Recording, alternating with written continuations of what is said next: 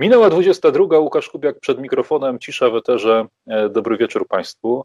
E, ten czas epidemii, który wciąż jeszcze przeżywamy, e, chociaż obostrzenia są coraz mniej uciążliwe, a może coraz mniej z tych obostrzeń ludzie sobie robią cokolwiek. Ten czas to oczywiście dramat gospodarczy, zdrowotny, społeczny, ale to również czas, mm, który możemy sensownie spędzić, e, choćby nadrabiając zaległe lektury. E, I ja takie zaległe lektury w ostatnim czasie nadrabiałem, a jedną z tych lektur jest książka profesor Weigl i karmiciele wszy. O karmicielach lwowskich, karmicielach wszy zapewne wszyscy słyszeli, ja również, ale dopiero po lekturze tej książki zdałem sobie sprawę, że to, co słyszałem, to zdecydowanie za mało, że powinienem był e, wiedzieć znacznie więcej. E, mam przed sobą książkę i bardzo się cieszę, że gościem Ciszy Weterzy jest jej autor, e, pan Mariusz Urbanek. Dobry wieczór, panie Mariuszu. Dobry wieczór panu, witam, witam słuchaczy.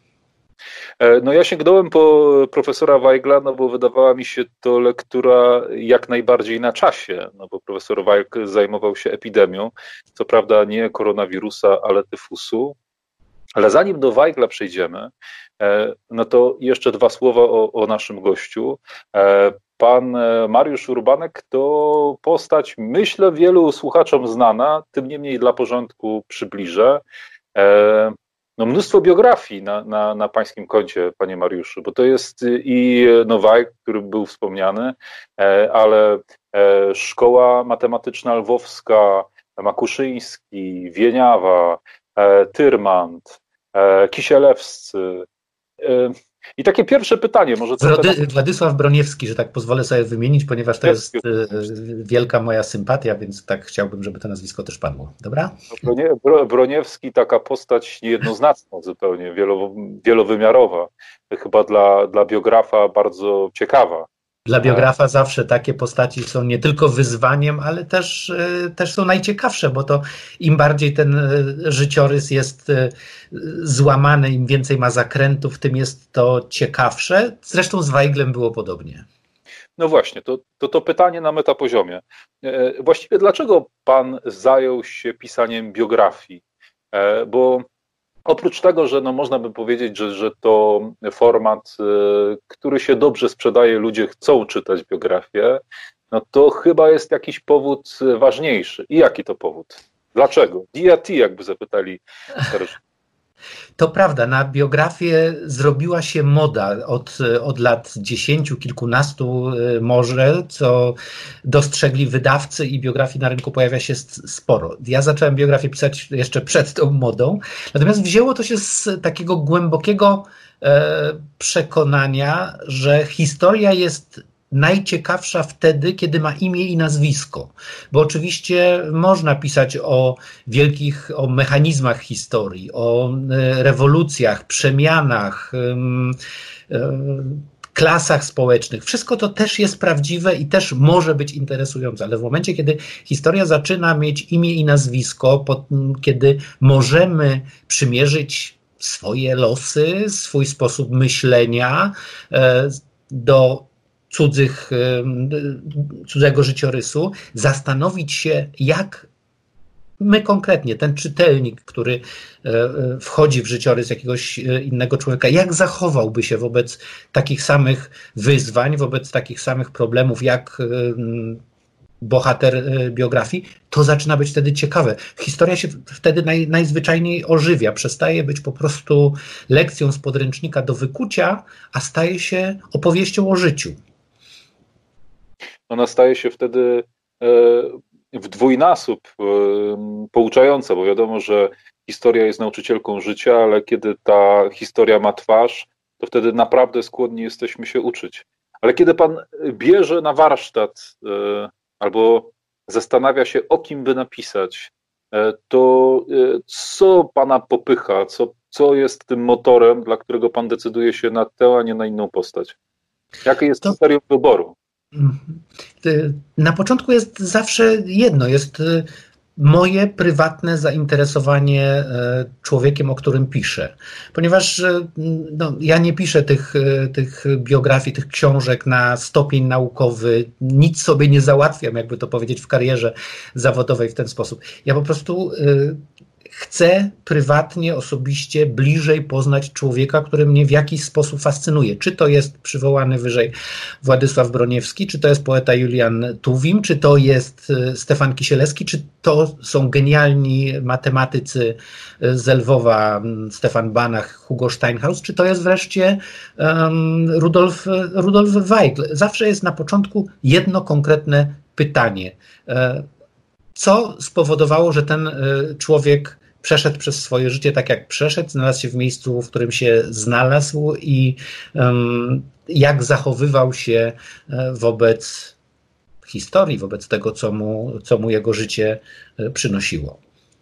To jest najlepsza sytuacja dla prowadzącego program, kiedy gość właściwie sam rysuje scenariusz e, rozmowy.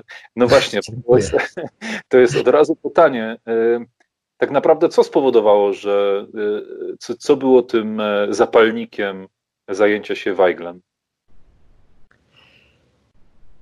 No wbrew pozorom właśnie nie to, że e, dał ludzkości e, szczepionkę na tyfus plamisty, szczepionkę na, na tyfus, który w tym czasie, kiedy Weigl pracował,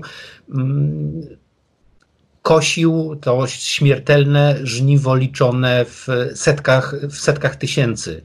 Antybiotyk przeciwko tyfusowi powstał kilkadziesiąt lat do, po, po odkryciu e, Weigla. To oczywiście było bardzo ważne, natomiast tym, co mnie przyciągnęło do, e, do tej postaci, to jest to, że e, co jest właściwie puentą tej, tej historii, więc może chociaż trochę częściowo, częściowo ją zdradzę na początku, a, a jeśli pan pozwoli, to mm, albo tak poprowadzi rozmowę, to dojdziemy do niej e, na końcu. Weigl był e, dwukrotnie e, właściwie żelaznym kandydatem do, do Nagrody Nobla. Raz jej nie dostał, dlatego że chciał być Polakiem, a drugi raz dlatego, że znaleźli się Polacy, którzy uznali, że jest złym Polakiem. No więc e, taki tragizm e, człowieka, który dał ludzkości szczepionkę przeciwko e, tyfusowi, chciał być Polakiem, chociaż nie było w jego żyłach nawet jednej kropli krwi. To był, to był wybór intelektualny, wybór rodzinny Weigla. Panie Mariuszu, tak, to, tak to się w jego przypadku skończyło. I chciałem się dowiedzieć po prostu i zwyczajnie dlaczego czyta mi pan w myślach, bo to było pytanie, e, które jest właściwym pytaniem zaczynającym naszą rozmowę. E, bo ja, e, kiedy czytałem pańską książkę, pan oczywiście z, zaczyna od, od jego korzeni. Te korzenie, jak pan wspomniał, nie są polskie, one są niemiecko-austriackie. Czy znalazł pan właściwie odpowiedź na pytanie, co sprawiło, że Weig chciał być Polakiem Zresztą jego brat również, prawda? Jego brat również wybrał polskość. E, jego, tak. E, no, pęknięcie w tej rodzinie y, nastąpiło na początku XX wieku, bo Wajglowie w swojej męskiej części rodziny pochodzili gdzieś z Bawarii, gdzieś z pogranicza Austrii i Niemiec. To był jeszcze początek XIX wieku. Te identyfikacje narodowościowe nie były tak oczywiste jak, jak dzisiaj. E, I e, ci Wajglowie za interesem właściwie sprowadzili się w ramach Cesarstwa Austrii austro-węgierskiego na Morawy.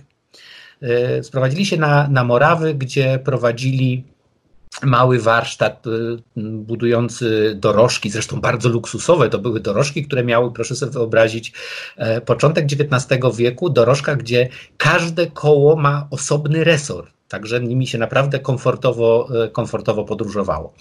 E, I na tychże Morawach Wajglowie żenili się już z Morawiankami, czyli tutaj ta krew była no właśnie bawarsko-austriacko-niemiecka i morawska.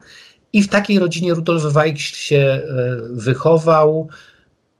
I tu, gdyby nie tragiczny przypadek, czyli śmierć ojca Rudolfa Weigla, który zabił się testując nowy model e, bicykla. To dla młodszych słuchaczy bicykl to był taki prototyp, pierwowzór rowera, który miał pierwsze koło bardzo wysokie i kierujący tym rowerem rowerzysta, bicyklista siedział na tym właśnie wysokim kole, czyli e, siodełko było na wysokości mniej więcej dwóch metrów, głowa jeszcze wyżej. I testując ten nowy model bicykla, ojciec Rudolfa Weigla spadł z tego roweru, uderzył głową w kamień, zginął. Matka, e, matka wyszła po kilku latach za Polaka, za Józefa Trojnara, e, nauczyciela gimnazjalnego, i tu się zaczęło polska historia Rudolfa e, Weigla. A ile, ile, ile Weigl ma wtedy lat? E, on ma wtedy 4 lata, jest najmłodszym e, z trójki rodzeństwa, nie mówi słowa w języku polskim. Jeszcze są takie relacje jego kolegów z gimnazjum, że jeszcze w gimnazjum kaleczył, kaleczył język polski. Potem ci, którzy go znali już w momencie, kiedy miał lat 30 więcej, mówili, że nie było śladu, że język polski nie jest, nie jest jego pierwszym językiem. No ale mm, w momencie, kiedy matka wychodzi za profesora Trojnara, przenoszą się do, do Jasła i tu się zaczyna ten proces wchodzenia całej, całej rodziny Mm, w kulturę polską i w język polski. I rzeczywiście dzieci, czyli rodzeństwo Rudolfa Weigla i on sam wychowują się w kulturze polskiej, natomiast jego kuzynostwo w pierwszym stopniu to pozostaje w kulturze niemieckiej, co najbardziej dramatyczny wyraz przybiera w czasie II wojny światowej, bo e, tamte całe e, jego kuzynowie e, służą w armii niemieckiej, a Rudolf, Rudolf Weigl chce być Polakiem. E, ale, ale, znalazł, ale, znalazł. Ale znalazł Pan odpowiedź na pytanie, czy to było po prostu tak, że w związku z wychowywaniem się w polskim środowisku, ze względu na wpływ Trojnara, ojczyma, czy, było, czy, czy był tam element wyboru, to znaczy tego, że coś w kulturze polskiej go zafascynowało? E, są tego rodzaju świadectwa, gdzie Moment, jest... Moment wyboru nastąpił w roku 1918. To wszystko, to jest znów taki delikatny, delikatny wykład historyczny. To, są, to jest y, cesarstwo austro-węgierskie. To jest Lwów, bardzo szczególne miasto z bardzo szczególną kulturą wtedy. I co ważne, Myślę, że dla słuchaczy w Lublinie to mogę spokojnie powiedzieć, bo e, kiedy mówię to w Krakowie, to mnie za to nie lubią. E, stolicą Galicji w Austro-Węgrzech nie był Kraków, był Lwów. Był miastem większym, nowocześniejszym, e, z nauką stojącą, stojącą na bardzo wysokim poziomie. To jest zresztą, zresztą na marginesie trzeba powiedzieć, że, że to napięcie między Lwowem i Krakowem, ono było również w czasach Weigla. Pisze pan o tym kiedy Wajk przenosi się do Krakowa po 1945 roku, tak. że on tam jest niedobrze przyjęty w Krakowie. Niedobrze. I, ale e, w momencie, kiedy Weigl no, mm, dorasta do wieku, kiedy idzie się na studia, studiuje na e, Uniwersytecie Lwowskim, e, żyje w bardzo szczególnym mieście, w mieście, gdzie te identyfikacje narodowościowe nie są aż tak e, ważne. Tam można było być Polakiem z niemieckim nazwiskiem i z równym skutkiem Niemcem z polskim nazwiskiem. Nie zwracano na to uwagi. Moment, moment decyzji przychodzi w roku 1918, upada Cesarstwo Austro-Węgierskie, powstają państwa narodowe powstają, y, powstaje Czechosłowacja, powstaje y, Węgry i powstaje też y, Polska. I wtedy na coś się trzeba zdecydować. Akurat w Lwowie to była dość prosta decyzja. Weigl miał już wtedy rok 14, 30, 18, 35 lat. Pracuje na uniwersytecie, otrzymuje profesurę nikt mu nie wypomina w tym, w tym szczególnym wielokulturowym Lwowie jakiejś niemieckiej przeszłości. On jest po prostu tam u siebie i e, nie widział powodu, żeby to, e, to zmieniać. Pozostaje w Lwowie, pozostaje na uniwersytecie. Państwo polskie, odradzająca się Rzeczpospolita stwarza mu no powiedzmy przyzwoite warunki, warunki do pracy. No i to skutkuje tym, że kiedy przychodzi już druga wojna światowa i konieczność największych wyborów, takich narodowych, moralnych i e, politycznych, wtedy Rudolf Weigl składa w dramatycznej sytuacji szefowi SS na dystrykt Galicja e, generalnego gubernatorstwa składa deklarację, że e, ojczyznę w życiu wybiera się tylko raz. On ją wybrał i to jest Polska. E, a wybiera to w szczególnym momencie, kiedy, kiedy generał Kacman, tenże właśnie szef dystryktu SS, szef SS dystryktu Galicja, przychodzi do niego z prośbą, z żądaniem podpisania Reichslisty. Reichslista, znów dla młodszych słuchaczy, to jest najwyższa, najwyższy poziom Volkslisty, potwierdzający narodowość niemiecką. I w tamtych warunkach, no, można sobie jasno powiedzieć, Weigl miał prawo to podpisać, bo po prostu potwierdzałby, potwierdzałby e, prawdę. On był tej narodowości, która uprawniała go do podpisania Reichslisty. I w tutaj, tamtym... tutaj, tutaj, można powiedzieć, że mało tego, bo, bo to jest nie tylko um, marchewka, bo to otwierałoby mu drzwi Zresztą z tego, co pan pisze, oni proponowali mu, mu katedrę w Berlinie, ale przecież w tym czasie giną profesorowie w Lwowie. Tak, no, Kacman do niego przychodzi e, kilka dni po mordzie na profesorach lwowskich na wzgórzach wuleckich. Tam się odbyły dwa takie, dwie takie rozmowy. No, w, czasie, w czasie e, jednej Kacman mówi mu, ale panie profesorze, pan wie, że my się potrafimy mścić w kontekście tego, że kilka dni wcześniej zabili, zabili 38 ludzi na wzgórzach y, wuleckich, w tym kwiat profesury lwowskiej, no to brzmi złowróżbnie. A marchewką była y, oprócz tej katedry i instytutu w Berlinie, którą, którą mu y, Kacman proponuje, była nagroda Nobla dla Weigla. Bo znów trochę historię cofając o, o kilka lat, Weigl za swój wynalazek, za znalezienie, wynalezienie szczepionki przeciwko tyfusowi w latach e, między rokiem 1930 a tysiąc, e, rokiem 1939 tylko raz, tylko w 1935 nie był nominowany do Nagrody Nobla. Miał 70 e, nominacji. To dzisiaj to wiemy, bo mm, Instytut y, Noblowski otwiera swoje archiwa po 50 latach, to już zostały otwarte. Wiemy, kto Weigla nominował. Uczeni z całej Europy, także polscy, których o to pytano oczywiście, wnioskowali o Nobla dla Weigla. Nie dostał. I w 1941 roku, kiedy Lwów zajęli Niemcy, przychodzi Kacman i mówi: Panie profesorze, my panu tego Nobla załatwimy, tylko proszę zadeklarować, że pan jest Niemcem, bo dla Polakowi nie będziemy Nobla załatwiać, bo jaki mamy w tym interes. Niemcowi e, załatwimy. Tu oczywiście możemy sobie mówić, że mm, Instytut e, Noblowski jest e, prywatną fundacją, że Szwecja była w tym czasie formalnie, co ważne, bardzo formalnie neutralna, ale myślę, że Niemcy naprawdę w, w środku wojny byli w stanie Weiglowi to załatwić. I on stojąc przed takim wyborem. Po jednej stronie e, Nobel, po drugiej stronie e, ta groźba niezabalowana, panie profesorze, pan wie, że my się potrafimy mścić. E, Weigl odpowiada Kacmanowi: Ojczyznę wybiera się tylko raz. Ja wybrałem w 1918. On jest tutaj w tym, w tym wyborze konsekwentny i heroiczny. E, zwłaszcza wtedy, w, na, na, początku e, II wojny światowej, kiedy naprawdę nie wiedział, czy ta odmowa nie skończy się jego śmiercią. E, tak jak wspomnianego przez pana, jak wspomnianej przez pana elity Uniwersytetu Jana Kazimierza. W ogóle dobrze byłoby przypomnieć te nazwiska, bo, bo ci, którzy tam zginęli, oni za czasów PRL-u byli przemilczani.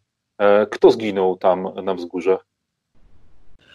Oj, to y, całej listy nie wymienię, ale na, na przykład akurat nie tego samego, tej, tej jednej nocy, ale traktuje się, że to było w ramach, w ramach tego samego, pięciokrotny premier y, Rzeczypospolitej y, Kazimierz, Kazimierz Bartel był wśród tych. Profesor Longchamp de Berrier. Tam byli wśród tych zamordowanych ludzi właśnie matematycy też z lwowskiej, z lwowskiej szkoły matematycznej. Także to było no to był Boński, prawda, który, który tam e, ginie w czasie tego samego e, w czasie tego samego... E, Przepraszam, nie dosłyszałem nazwiska. Bojżeleński. Tak, Bojżeleński, wtedy, wtedy wykładający na Uniwersytecie Lwowskim, też, też był wśród zamordowanych tej nocy. Ale on wybiera w 18 roku, ale wracając jeszcze do mojego pytania, wie pan tak naprawdę, co było powodem takiego właśnie wyboru? Bo e, ta e, kultura niemiecka, e, którą mm, bardzo dobrze rozumiał, bo znał język, wiedział skąd pochodzi, znał korzenie swojej rodziny, ona była kusząca znacznie wcześniej, ona wiele więcej drzwi otwierała. No, przecież cesarstwo austro-węgierskie niemieckojęzyczne, to była prawdziwa potęga, e, nie tylko militarna, no, w, w 18 roku e, nie, nie można tego o niej powiedzieć, ale kulturalna na pewno, naukowa na pewno. Więc e, dla człowieka 30-letniego to była jednak potężna pokusa już na tamtym etapie. Tak, ale on był w Lwowie u siebie. No, był w pięknym mieście, naprawdę pięknym mieście, na bardzo dobrym uniwersytecie. Jak mówię, był w już był w trakcie badań, bo e, badania nad e, produkcją e, szczepionki rozpoczął w czasie i wojny światowej, czy jak wtedy mówiono w czasie Wielkiej Wojny, bo jeszcze nie było wiadomo, czy będzie, że będzie jakakolwiek e, druga, druga wojna światowa. I to było tak bardzo naturalne. Nie wiem, e, ja nie widzę takiego e, momentu objawienia, które by spadło na, mu na głowę. On wchodził w polską kulturę bardzo, bardzo łagodnie. Jednym z takich najciekawszych pamiątek, które pozostały po dzieciństwie profesora Weigla, to jest jego prowadzone prowadzony przez kilkanaście lat, od czasów e, gimnazjalnych prawie do, przez, e, do studiów aż, e, mały notesik.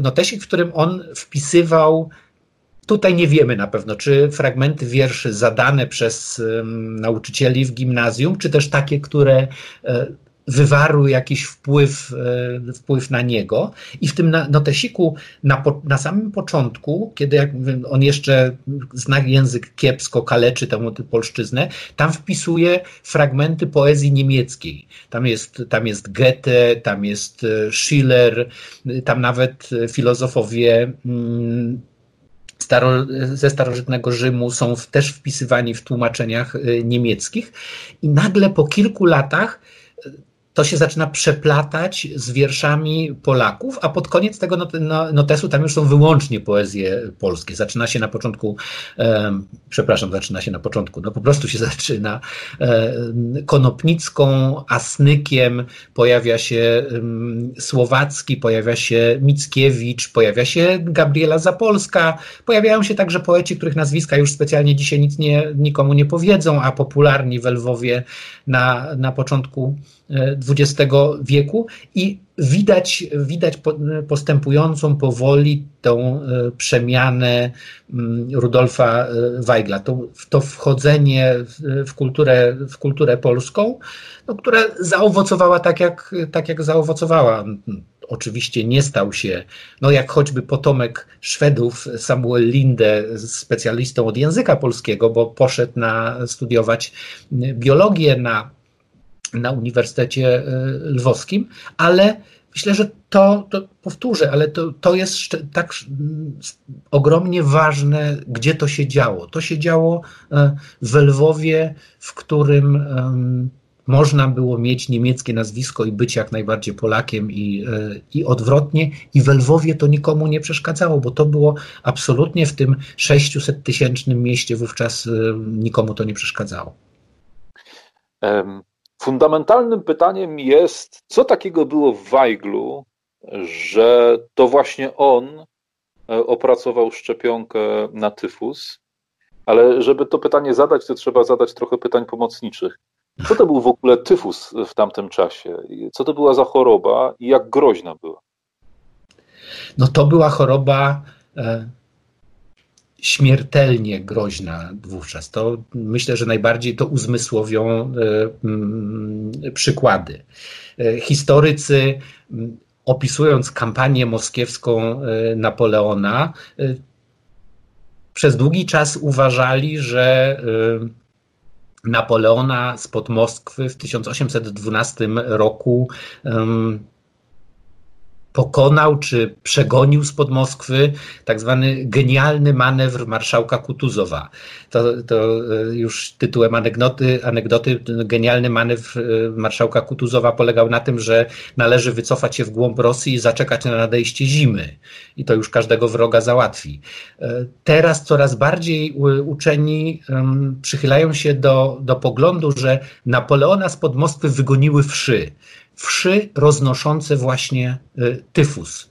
Mm, armia napoleońska, uchodząc spod, y, spod Moskwy, zostawiła po drodze 200 tysięcy trupów. Ludzi, którzy zmarli na y, tyfus, chorobę zakaźną roznoszoną przez wszy, chorobę zakaźną, dla której wojna jest wymarzonym środowiskiem, bo dla tyfusu dobrym środowiskiem to jest nędza, głód y, i szyb, możliwość szybkiego przemieszczania się, a, a, y, wojsko szybko przemieszczając się przenosiło, przenosiło te, czy transportowało te y, wszy i na, w całej Europie one się przez to, przez to znalazły. No, już w, w czasie tej samej kampanii Mówi się, że e, w Wilnie pozostało, gdzie mm, wojska napoleońskie, część wojsk napoleońskich kwaterowała przez chwilę, e, pozostało kilkanaście tysięcy e, trupów. To zupełnie świeże, świeża, znaczy świeża, mm, sprzed lat kilkunastu, w każdym razie już XXI wiek. Znaleziono w Lwowie, w, przepraszam, w Lwowie, znaleziono w Wilnie zbiorowy grób z 1800, y, z kampanii napoleońskiej z 1812 roku y, z kilkoma tysiącami żołnierzy. Y, zbadano DNA, okazało się, że to jest zbiorowy grup ludzi, którzy wtedy zmarli na, na tyfus. 100 lat później, w czasie I wojny światowej, tylko w 1800, 1915 roku w Serbii zachorowało na tyfus roznoszony przez wszy 500 tysięcy ludzi, z czego 150 tysięcy ludzi zmarło w ciągu jednego roku. Tam e, pracował wówczas inny wybitny polski e, uczony e, Ludwik, Ludwik Hirschfeld i w szpitalach, w których walczył, walczył z tą, tą chorobą. No to, to daje bo tych opisów by można było mnożyć. Wojna turecka w czasie w XIX wieku to jest też E, setki tysięcy trupów e, spowodowanych, spowodowanych e, tyfusem.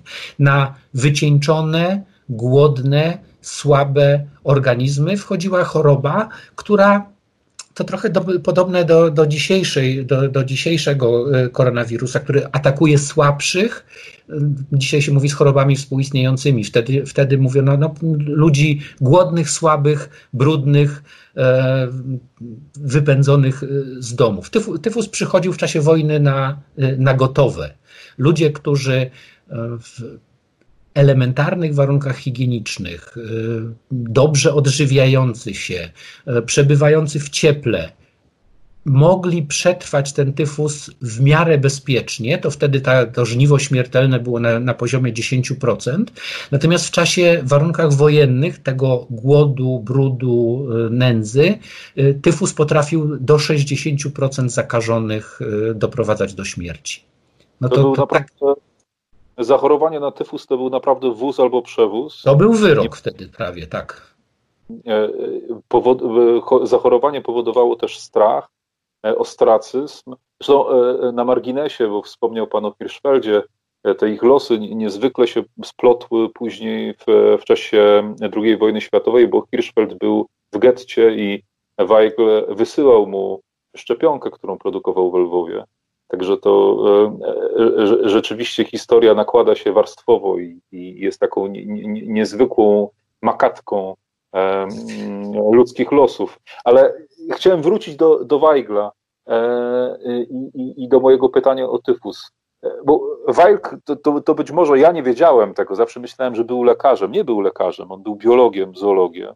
Tak, on biologiem i miał żebym teraz nie oszukał, 7 miesięcy medycyny e, skończonej na Uniwersytecie Lwowskim, bo rozpoczął drugi fakultet, do wybuchu I wojny światowej przestudiował 7,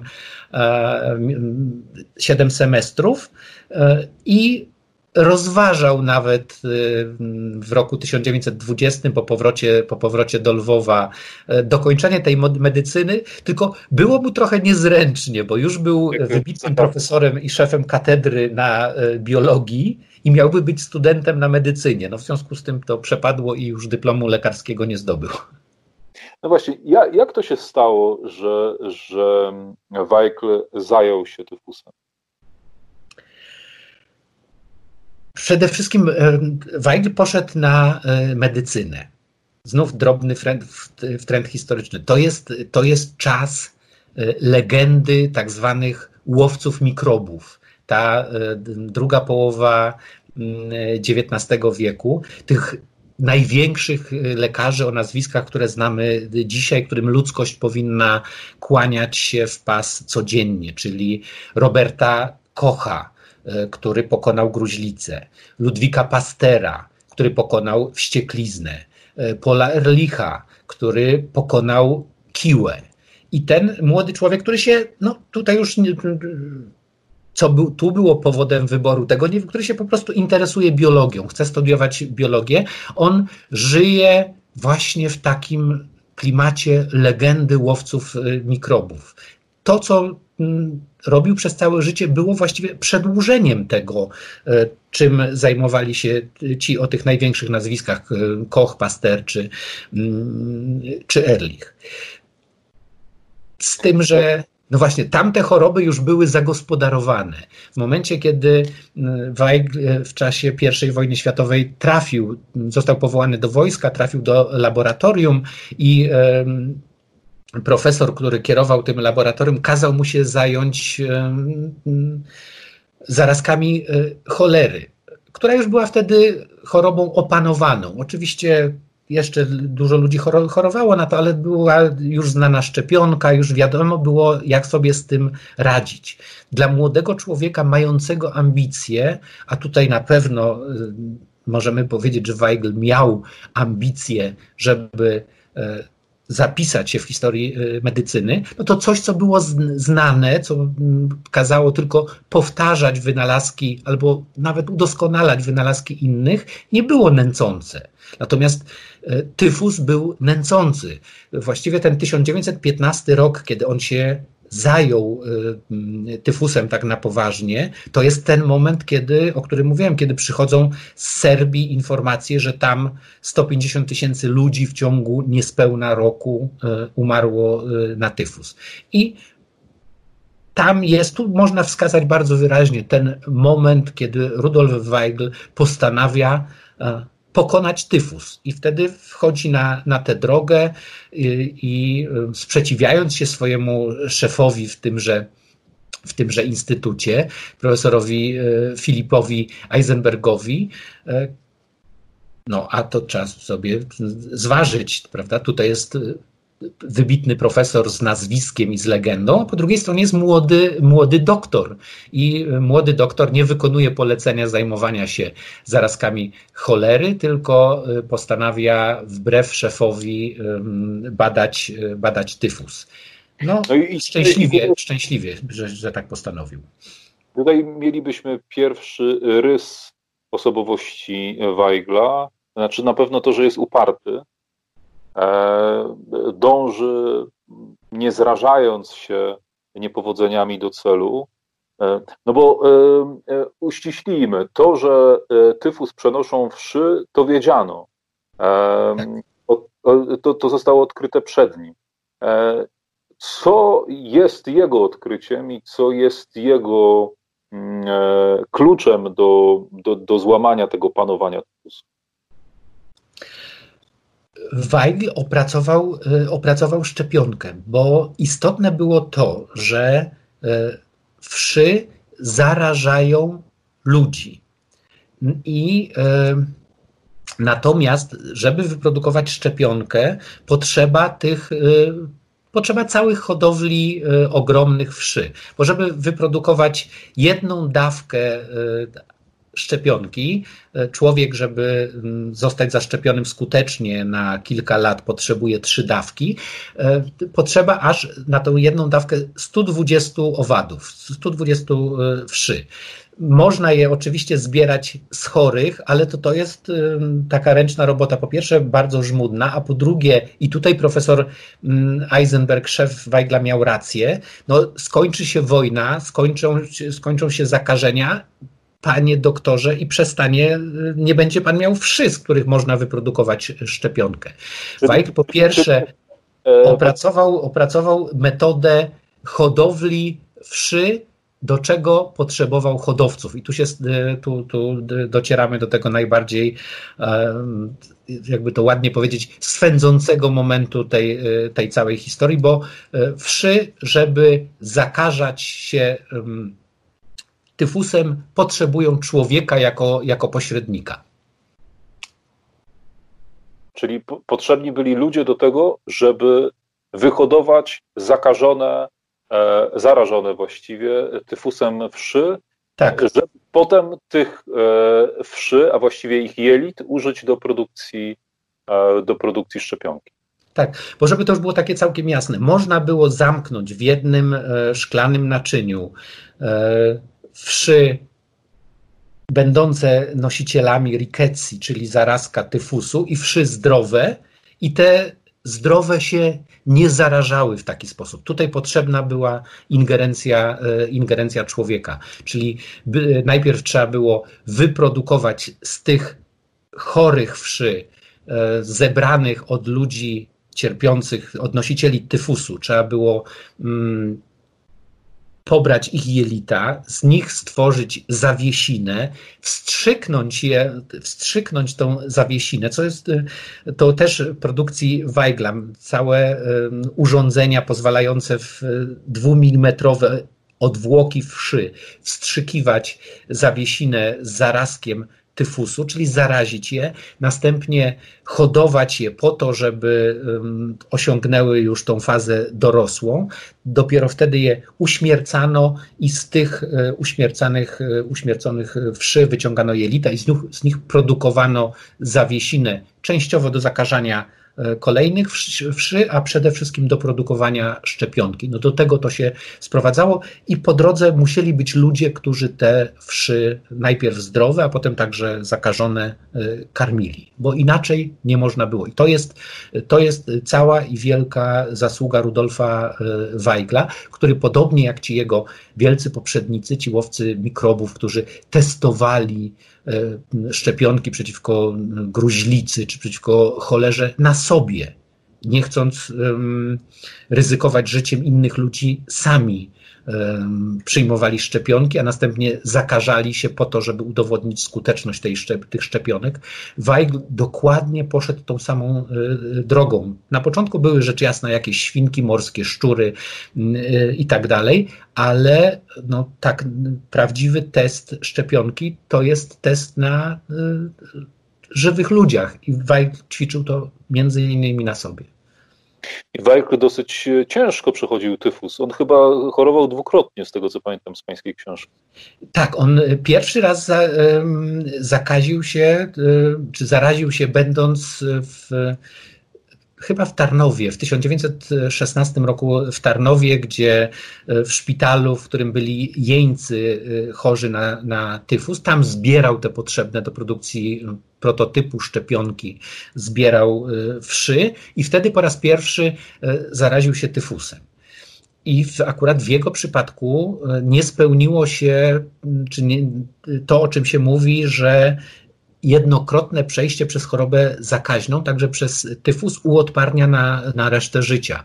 Weigl jeszcze, jeszcze drugi raz um, zapadł też na tyfus, łagodnie go przeszedł, ale jeszcze ale przechorował dwa razy. Być może stąd wzięła się taka jego silna odporność, bo przecież nawet uczeni, także współpracownicy Weigla, zarażeni tyfusem w trakcie badań umierali.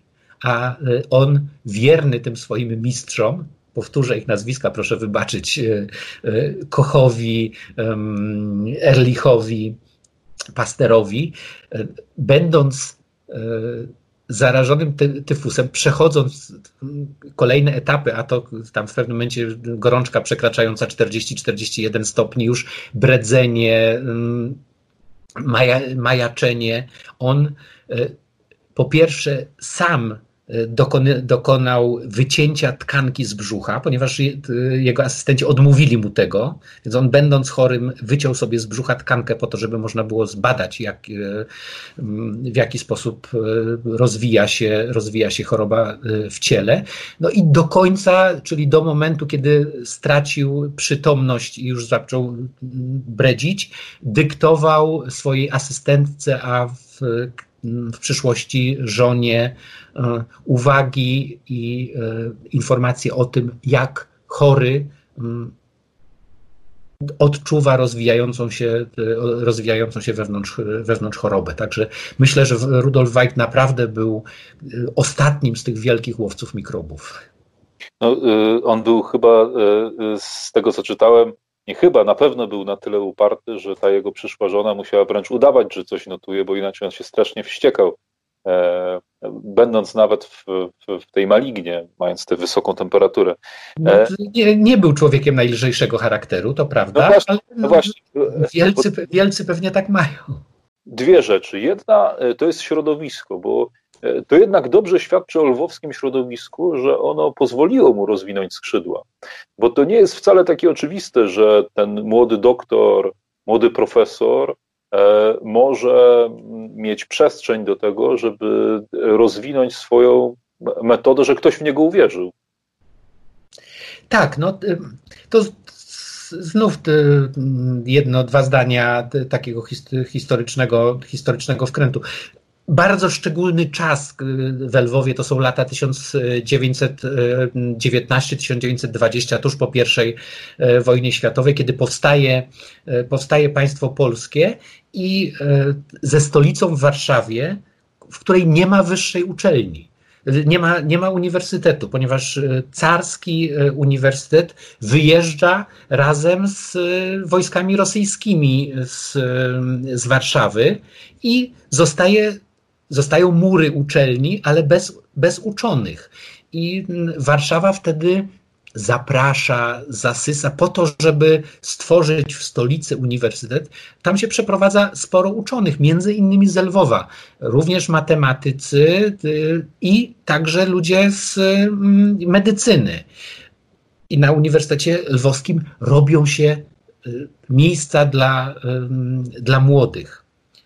Wtedy dużo trudniej było zostać profesorem y, niż, niż dzisiaj. Właściwie profesurę otrzymywało się pod warunkiem, że na uczelni y, była wolna katedra, a katedra się uwalniała wraz ze śmiercią profesora albo przeprowadzką profesora, jak w tym, y, w tym przypadku. I to się rzeczywiście tak w przypadku Weigla złożyło. Oczywiście każdym środowisku, także w środowisku uczonych, są małości, zawiści, zawiści, pretensje.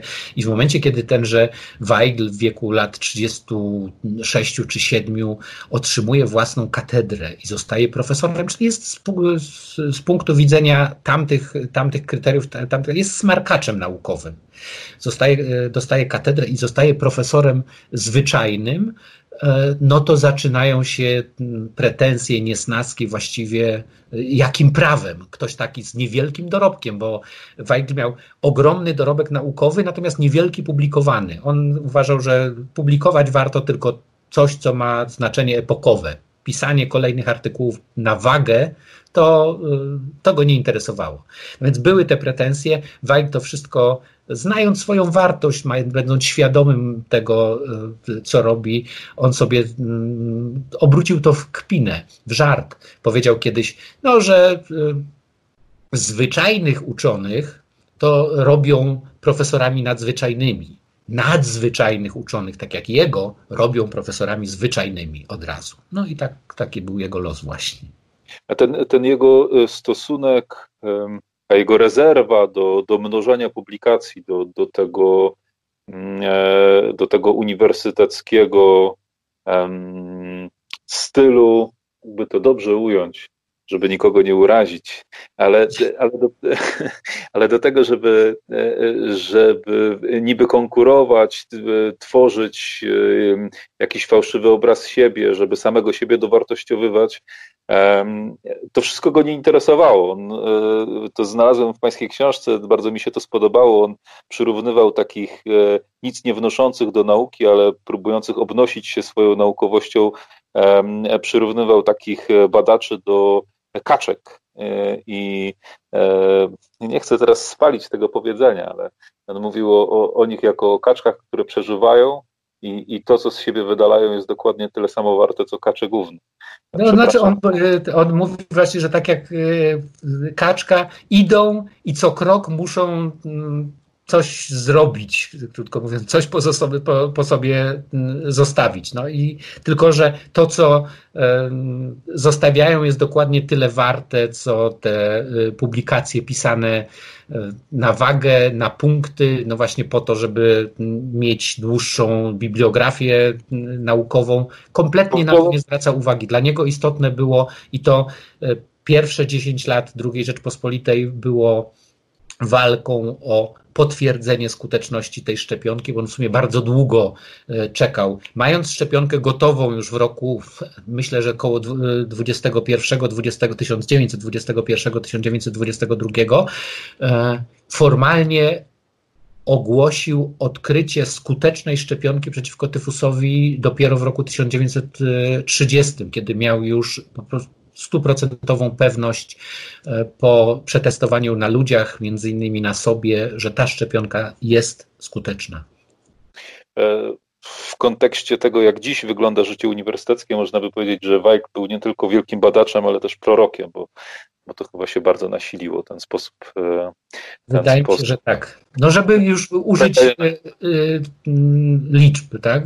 Weigl przez całe życie, przy tym ogromnym dorobku, on opublikował zaledwie 40 prac naukowych, w tym doktorat. No to mm, dzisiaj mm, uczeni publikują te artykuły liczone, liczone w setki. Co, co jeszcze było, panie Mariuszu, w Weiglu takiego, że to właśnie on e, że to właśnie on był odkrywcą szczepionki, bo e, wiemy choćby o, o tym, że jest człowiekiem bardzo dokładnym, precyzyjnym, jest łucznikiem. E, jest e, osobą, która jest bezkompromisowa w dążeniu do realizacji celu, że nie, mm, nie zraża się niepowodzeniami.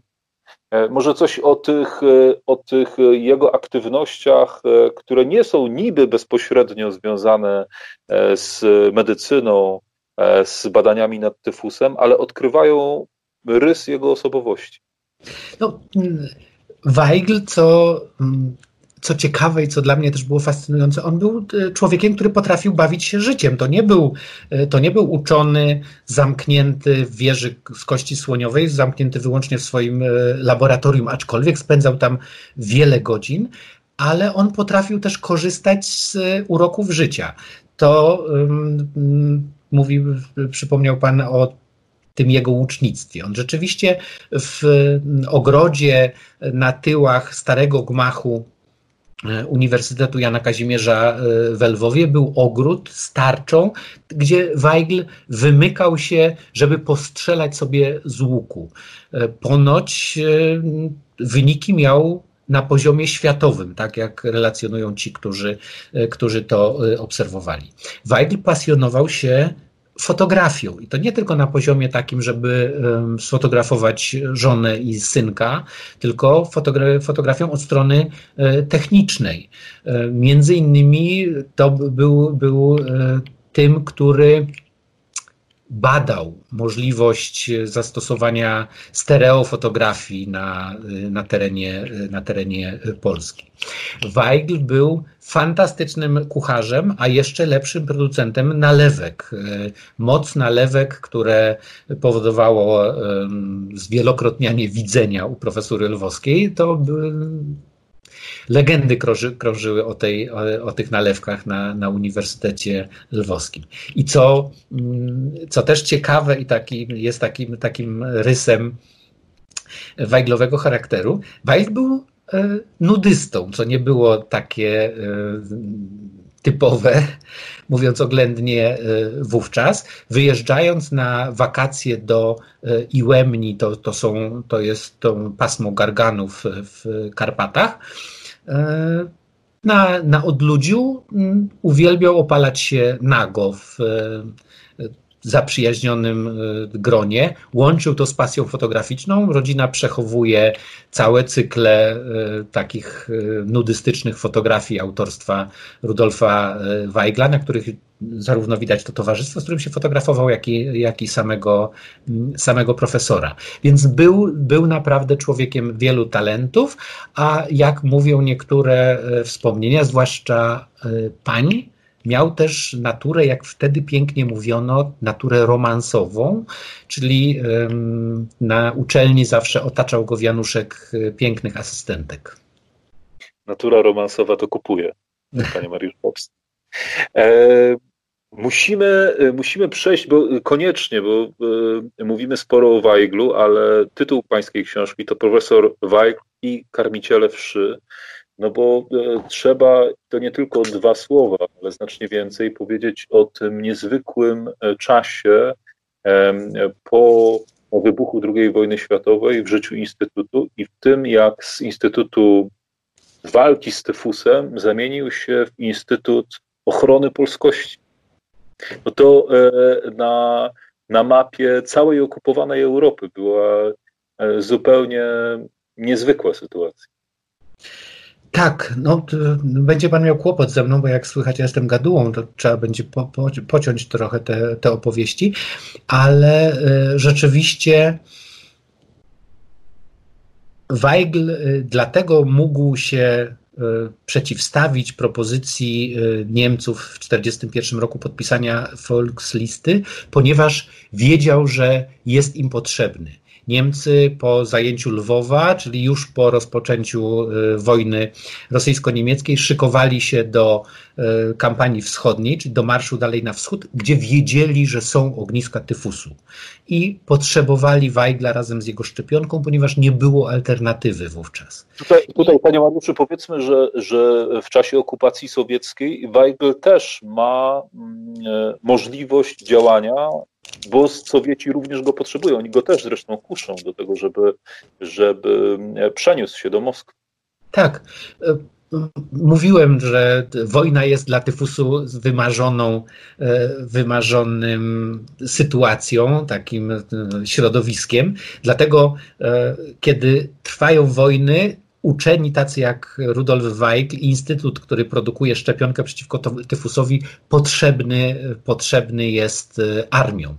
Był potrzebny zarówno e, armii e, radzieckiej, dlatego, dlatego Rosjanie pojawiał się między innymi u Wajgla Chruszczow, ówczesny e, pierwszy, pierwszy sekretarz partii komunistycznej e, na Ukrainie, e, proponując mu członkostwo Rosyjskiej Akademii Nauk i rozbudowę Instytutu. Pierwszą propozycję Weigl odrzucił, drugą propozycję przyjął i Instytut się rozbudował i rzeczywiście produkował szczepionkę na potrzeby między innymi armii rosyjskiej, bo nie miał innego wyjścia. E, podobna sytuacja powtórzyła się po zajęciu Lwowa przez, e, przez Niemców. Niemcy chcieli, żeby Weigl został Niemcem i przeszedł na ich stronę, ale skoro odmówił, no to chociaż zażądali od niego produkcji szczepionki dla armii niemieckiej, wiedząc, że pójdą za chwilę na wschód, w stronę Stalingradu, będą tej szczepionki e, potrzebowali. I Weigl zgodził się, podpisał coś, co nie ja ten termin wymyśliłem, ale e, coś, co było paktem z diabłem.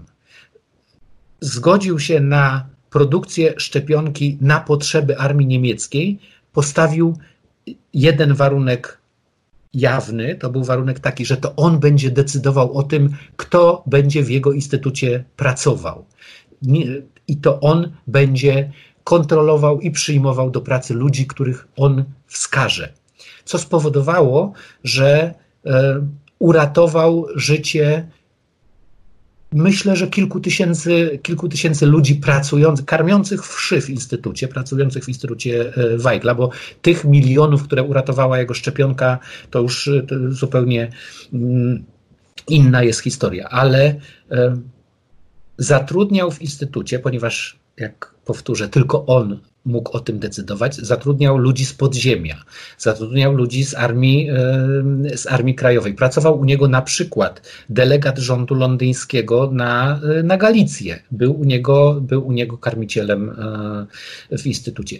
E, zatrudniał ludzi z Rady Pomocy e, Żydom Żegota. A ponieważ grono za tych, którzy pracowali w instytucie, było gronem w istocie zaufanym, nieinfiltrowanym przez Niemców, bo Niemcy się zwyczajnie bali, bo dla nich takie było proste skojarzenie: wesz, tyfus, śmierć, więc y, woleli, chcieli dostawać szczepionkę, ale, ale zostawiali rzeczywiście Weiglowi wolną rękę. Dzięki temu produkcja, oczywiście produkcja szła do, na potrzeby Wehrmachtu, bo musiała iść na potrzeby Wehrmachtu, ale to mogło być, to, to oczywiście bez papierów nie ma, bo nie może być. E, ci, którzy pozostawili wspomnienia, którzy pracowali przy tym, mówią, że e, rzędu 30 do 50% produkcji e, szło na lewo. Było mm, dostarczane do getta w Krakowie, w Lwowie, w Warszawie, między tam właśnie Ludwik Hirschfeld tę szczepionkę dzielił między Żydów zamkniętych w warszawskim getcie. Ta szczepionka szła y, do polskiego podziemia, do, y, do partyzantów, więc...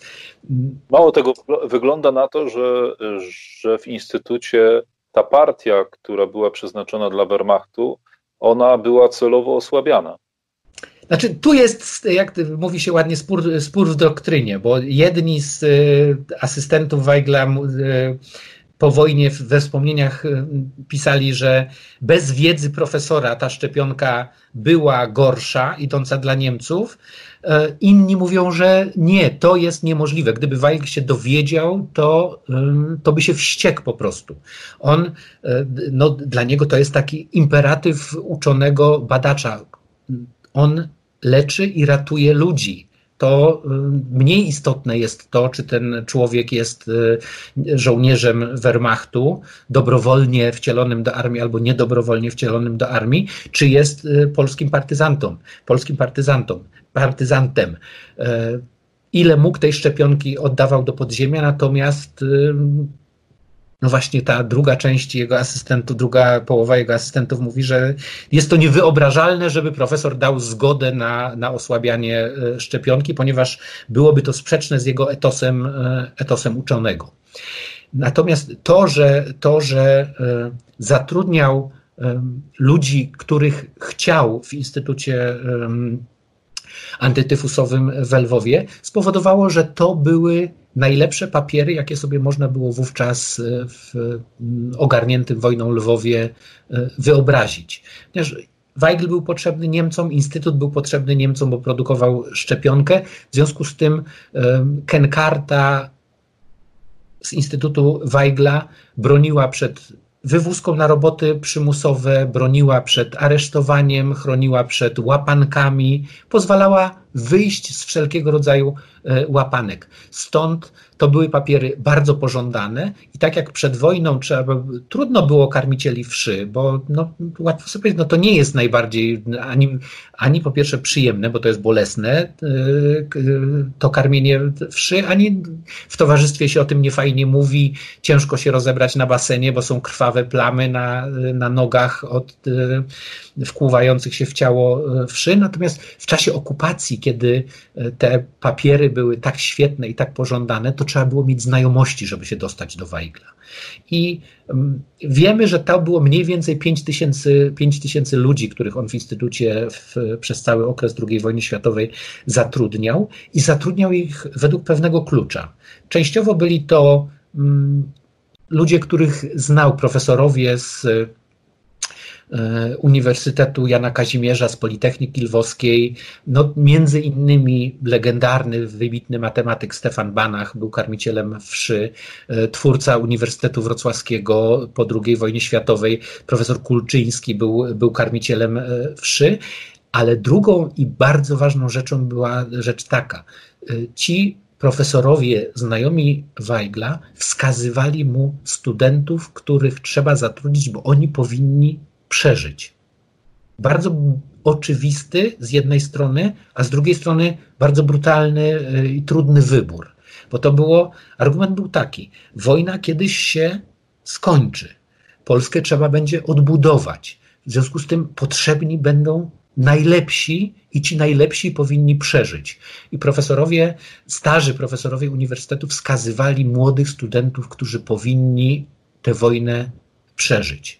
I e, tu rzeczywiście, jak się patrzy na tę listę, nie znamy wszystkich nazwisk, bo dokumentacji nie ma. Znamy około 800-750 nazwisk e, karmicieli e, wszy, ale w tej liczbie są takie nazwiska jak choćby Zbigniew Herbert, pisarze e, Mirosław Żuławski, na podstawie którego wspomnień Andrzej Żuławski, filmowiec, nakręcił film Trzecia, e, trzecia część e, Nocy. O Banachu mówiłem. Światowej sławy geograf Alfred Jan. Światowej sławy, no powtórzę, kompozytor Stanisław Skrowaczewski, geograf Eugeniusz Romer tych, tych ludzi młodszych, starszych było ogromnie dużo. Jak się popatrzy na te 700 nazwisk, które znamy, to nagle się okazuje, że to są e, w dużej części ludzie z tytułami profesorskimi, doktorskimi, menedżerowie, twórcy, e, artyści, przemysłowcy. Dobrze ich dobrano. Okazało się, że ci ludzie, którzy dostali od Weigla polisę na życie, bo to tak do tego to się sprowadzało. Oni potrafili e, z tej polisy od Weigla skorzystać i e, spłacić ten dług, który zaciągnęli, no, przeżywając. To też daje do myślenia, jak wyglądałaby Polska, nawet w tym wydaniu PRL-owskim, e, gdyby polska inteligencja w Wielkopolsce nie została wycięta w pień na początku II wojny światowej, gdyby nie Katyń. To, to właśnie były te elity, które E, albo już wtedy tworzyły Polskę, albo wchodziły w e, ten dojrzały czas życia i by tę. Polskę budowały. Myślę, że tak, że tak, to jest bardzo dobra, to jest bardzo dobra e, analogia. Na pewno na tę skalę i na miarę tych możliwości, jakie, jakie miał, Weigl uratował część polskiej inteligencji. No, żeby daleko nie szukać. Ja jestem wrocławianinem. Naukę wrocławską w sporej części robili ci ludzie, który, którzy w czasie wojny, zwłaszcza medycynę i biologię, którzy w czasie, w czasie wojny karmili wszy w Instytucie Weigla i po 1945 roku, nie mogąc zostać w Lwowie, przyjechali do Wrocławia i tworzyli mój uniwersytet. Jak jesteśmy, to tak na marginesie, jak jesteśmy przy Wrocławiu, e, bo pan zajmował się lwowską szkołą e, matematyczną, tutaj Weiglem, pańska rodzina pochodzi z Lwowa? Nie, ja nie mam, e, nie mam żadnych związków e, z Lwowem. E, ale, ale mam związki z, z Lubelszczyzną. Moja mama jest z pod Chrubieszowa. A, wspaniale. Witamy, witamy w domu. Miło mi. Panie Mariuszu, co się dzieje z Weiglem po roku 1945? Bo y, Instytut y, właściwie do mm, ewakuacji Niemców y, normalnie funkcjonuje w roku 1944. Właściwie co się dzieje po roku 1944? I jak, jak wyglądają losy profesora później? Bo, bo, tutaj znowu zamykamy tę historię klamrą. On, znowu tak. jest na marginesie. Tak, no to, się, to jest ta, ta druga dramatyczna część życiorysu Rudolfa Weigla, bo rzeczywiście Niemcy, którzy kiedy zaczynają mieć świadomość, że już tej wojny nie, mm, nie wygrają, ewakuują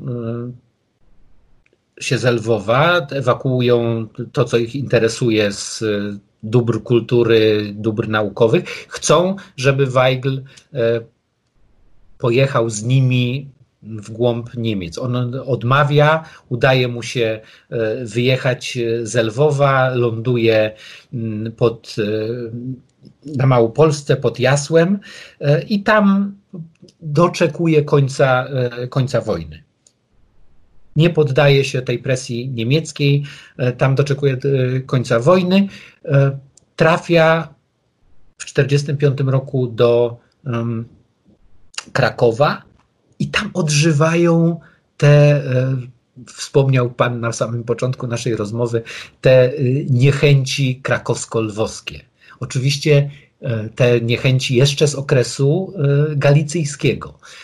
Kraków ma własne gwiazdy naukowe, ma własny uniwersytet, ma własne zakorzenione bardzo e, elity i nagle przyjście takiej gwiazdy, jaką jest Rudolf Weigl, spotyka się z niechęcią. On jest takim otoczony towarzyskim e, ostracyzmem. I gdyby to tylko o to chodziło, to by było jeszcze pół biedy. Z takimi rzeczami Weigl potrafił sobie radzić.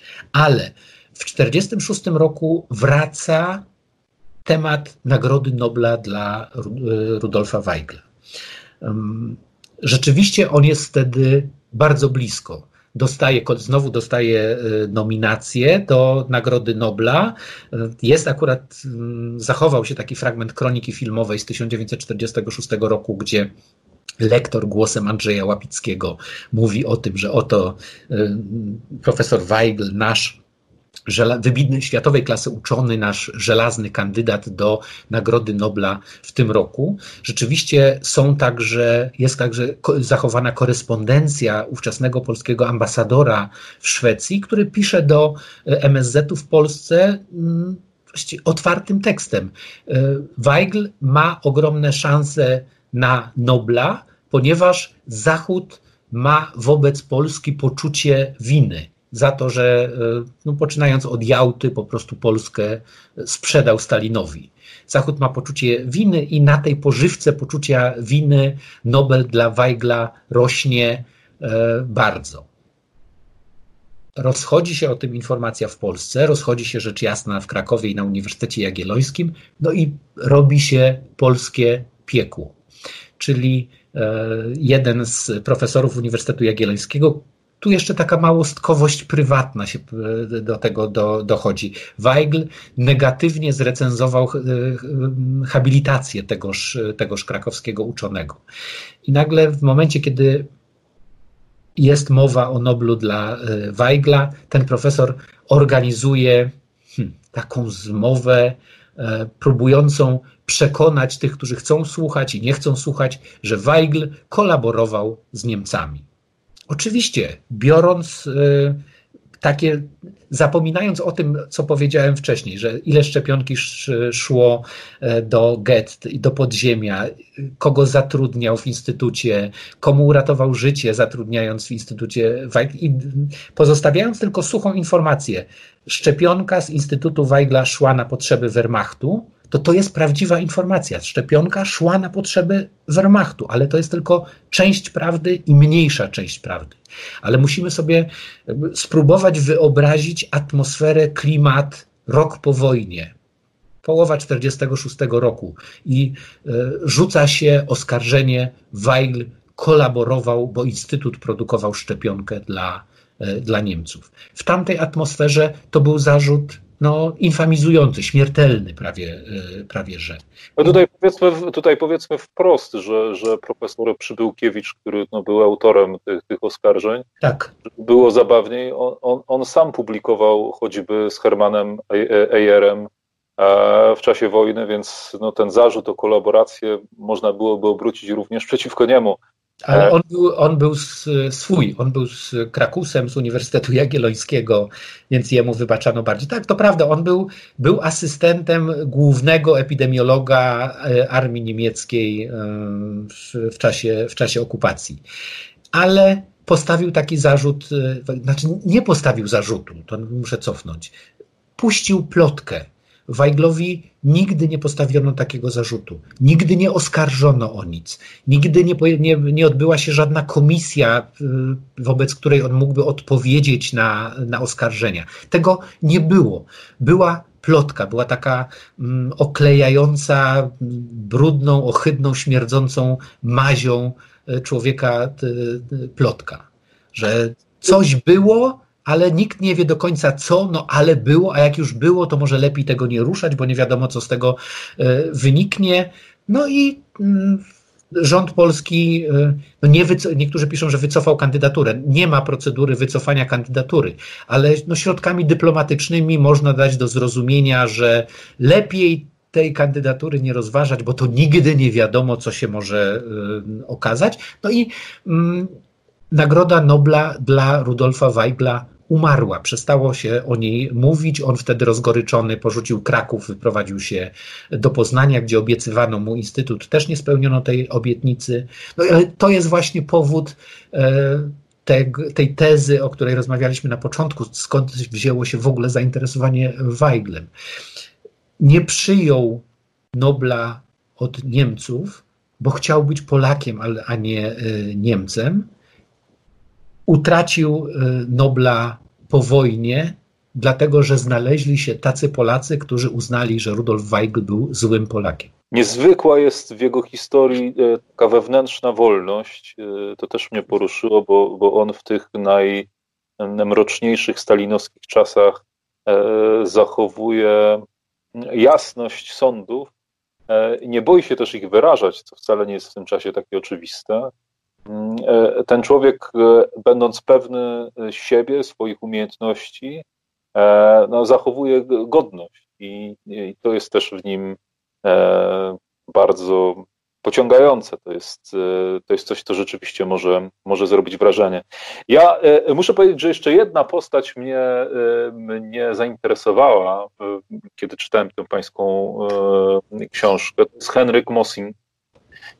Który był współpracownikiem Weigla, a który został potem w Lwowie w latach 60. czy 70. przyjął święcenia kapłańskie tajne od kardynała Wyszyńskiego. To też e, niezwykła postać, żeby być może zająć się jego biografią.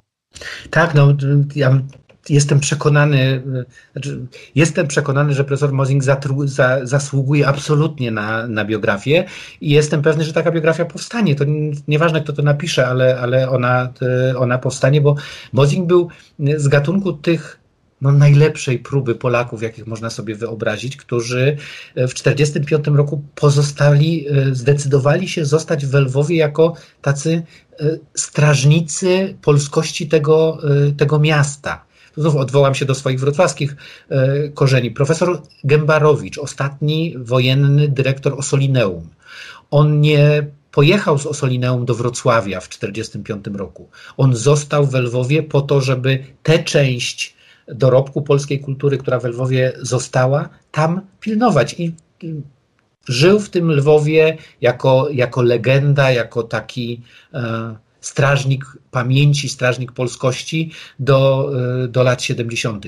Mozing był drugim takim, takim człowiekiem. W 1945 roku uznając, że nie wszyscy Polacy opuszczają Lwów, uznał, że y, no musi, muszą też zostać przedstawiciele elity. On był, on był lekarzem, więc został Został w mieście, e, leczył, leczył Polaków, pracował w czymś w instytucie, który powstał na, mm, mm, może nie na gruzach, co na bazie Instytutu e, Wajglowskiego.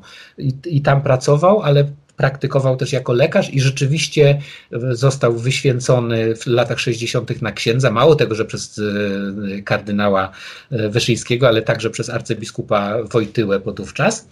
więc to z dwóch, z dwóch rąk, te, z czworga rąk te święcenia, święcenia przyjął. To było rzecz jasna na komunistycznej Ukrainie zakazane, więc on pełnił tę posługę kapłańską w sposób, w sposób tajny.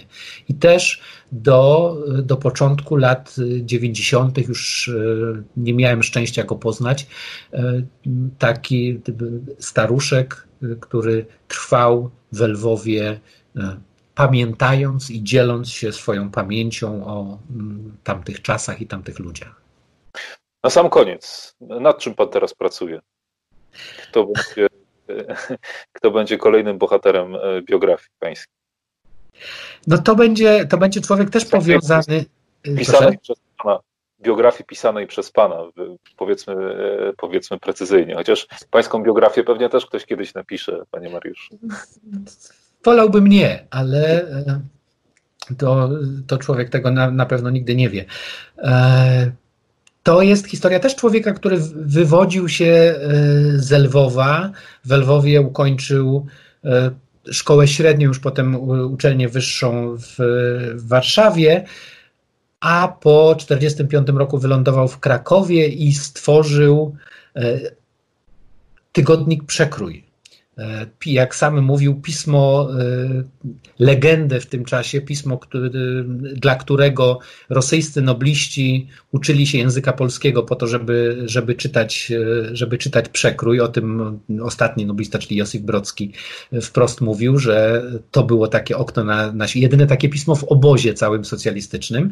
Marian Eile, o którym mówię, żartował sobie czasem, że stworzył tygodnik dla 800 milionów Słowian na Boga e, nikt nie wie, jak on się tych 800 milionów e, Słowian doliczył, bo w tym, w tym czasie, podobnie jak i teraz, tych Słowian jest około 300 milionów, ale prawdopodobnie dobierał z Chińczyków. Ale to pokazuje też e, taką skalę i wyobraźnię, wizję człowieka, który wymyślił to pismo, które dla mm, no, kilku pokoleń, pokoleń Polaków było najciekawszym pismem nie pozwalającym zapomnieć, że istnieje jakiś świat poza e, światem socjalistycznych gazet i PRL-owskiej telewizji. To cały kosmos postaci związanych z przekrojem w tych czasach, bo to Kern, Waldor. Tak, no to jest, to jest ogrom tych, tych postaci. Ja się chcę skoncentrować, bo taka e, książka o cywilizacji przekroju E, powstała. Ja chcę opowiedzieć o samym, e, o samym Weiglu, który, o przepraszam, o samym Eilem, e, który w czasie II Rzeczpospolitej współtworzył najsłynniejszy tygodnik kulturalny II Rzeczpospolitej, czyli Wiadomości Literackie, współpracował z Mieczysławem Grydzewskim. Potem robił ten, ten przekrój. No i też jak wielu, bo to się w biografiach ludzi, o których piszę często, E, powtarza, został e, zmiażdżony przez młyńskie koła e, historii, bo Marian Eile, jak wielu, był pochodzenia, pochodzenia żydowskiego i rok 68 był takim po prostu ostrym, ostrym zakrętem w historii jego i w historii tygodnika, który, na którym on wyleciał z przekroju. On chyba wrócił potem, prawda? To już On wrócił, wrócił do Polski, ale już nie, nie było powrotu, nie było powrotu do, do przekroju. No, władza e, ucieszyła się, że w 68 roku e, przedłużył swoje wakacje w Paryżu po, po marcu i po całej antysemickiej nagonce E, i kiedy już wrócił, no to nie miał gdzie wracać. E, panie Mariuszu, przechodzimy już do następnego programu, ale to no, może... Boję się, tak, że to już strasznie dużo czasu e, zajęło słuchaczom. Nie, nie, nie, nie, nie.